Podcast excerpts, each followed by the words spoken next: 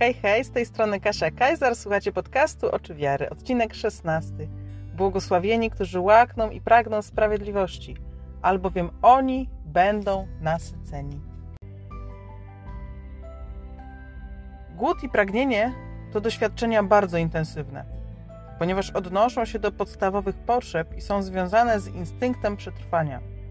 Są osoby, które bardzo pragną sprawiedliwości i dążą do niej, szukają jej z dużym zaangażowaniem.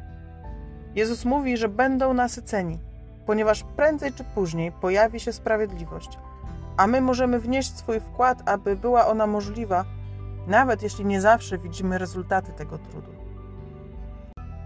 Jednak sprawiedliwość, którą proponuje Jezus, nie jest podobna do tej, jakiej szuka świat, bardzo często splamionej małostkowymi interesami, manipulowanej z jednej lub z drugiej strony. Rzeczywistość pokazuje nam, jak łatwo jest wejść w siatkę korupcji, stać się częścią tej codziennej polityki na zasadzie daję, aby inni mi dali, gdzie wszystko staje się kupczeniem. Tak wielu ludzi cierpi z powodu niesprawiedliwości. Wielu z nich bezradnie patrzy, jak inni na przemian dzielą się tortem życia. Niektórzy rezygnują z walki o sprawiedliwość i postanawiają stanąć po stronie zwycięzcy to nie ma nic wspólnego z głodem i pragnieniem sprawiedliwości pochwalanym przez Jezusa.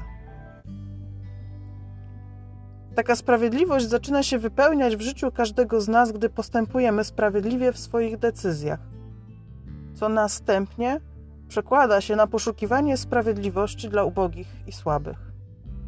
Prawdą jest, że słowo sprawiedliwość może być synonimem wierności woli Boga w całym naszym życiu ale jeśli nadamy mu sens bardzo ogólny, to zapominamy, że dotyczy ono zwłaszcza sprawiedliwości wobec bezbronnych.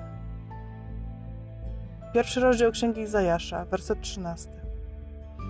Troszczcie się o sprawiedliwość, wspomagajcie uciśnionego, oddajcie słuszność sierocie, w obronie wdowy stawajcie.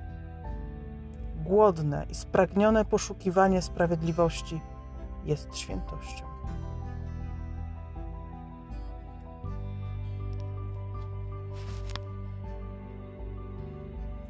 Kolejne mocne słowa tego papieża, papieża Franciszka. To był fragment trzeciego rozdziału Adhortacji Gaudete et Exultate. W rozdziale tym papież przypomina, że naszym sposobem życia jest życie według błogosławieństw. Według tych ośmiu zdań, które wypowiedział Jezus na górze i zostawił je nam, byśmy byli święci.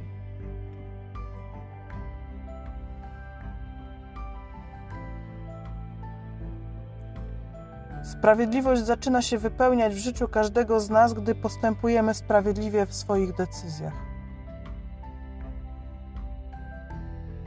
I następnie przekłada się na poszukiwanie sprawiedliwości dla ubogich i słabych. Wszystkich swoich decyzjach.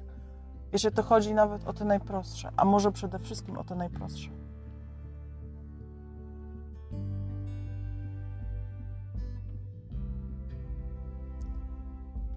Kochani, kochana, kochany, drogi słuchaczu, bądź święty. To był szesnasty odcinek podcastu Oczy Wiary. Kłania się Kasia Kajzer. Do usłyszenia.